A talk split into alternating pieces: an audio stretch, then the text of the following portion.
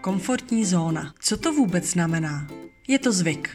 Jsou to všechny ty vzorce chování, všechna ta přesvědčení, nebo třeba rituály, které máme tak rádi. A jestli si myslíte, že vás se to netýká, tak jste na velkém omylu. Jsou to totiž všechny ty automatizmy, nad kterými už dávno nepřemýšlíme. Mozek je má už takto zakódované a je rád, že jim nemusí věnovat extra pozornost, natož něco měnit. Jenže co když právě po změně toužíte?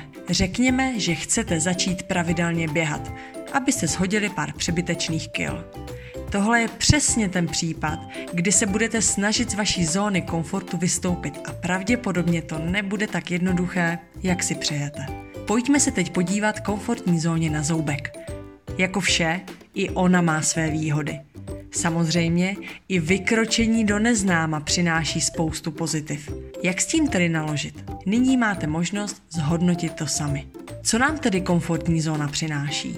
Naše návyky jsou automatické, takže nad nimi nemusíme přemýšlet. Víme, jak na to a nemusíme se je učit znovu. Zároveň jim nemusíme věnovat příliš času, tudíž máme prostor pro nové nápady. Vše výše vyjmenované nám dodává sebevědomí a do mozku vysílá. Jsi dobrá. Jenže co když to nestačí? Co když můžete být ještě lepší? Co když můžete získat nové zkušenosti, které vás posunou opět o kousek dál? Co pak? A je to tady.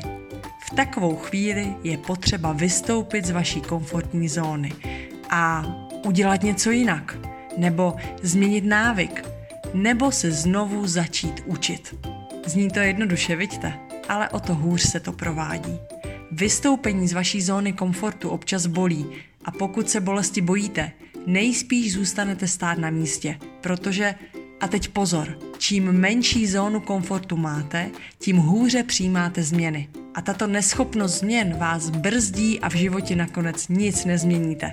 Hm, což znamená jediné, nikam se neposunete. Ale žádný strach. Řešení je blíž, než si myslíte. Je potřeba vaši komfortní zónu častěji opouštět a neznámé měnit ve známé. Je to ten nejjednodušší způsob, jak vaši zónu komfortu postupně rozšiřovat a třeba své nežádoucí návyky postupně měnit. A abyste na to nebyli úplně sami, připravila jsem pro vás konkrétní tipy, jak bezpečně vaši komfortní zónu rozšíříte.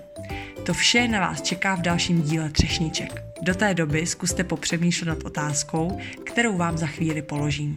Kde končí hranice vaší komfortní zóny? Víte? Jsem Libuše Petrovic, koučka, lektorka a autorka motivačního nekalendáře.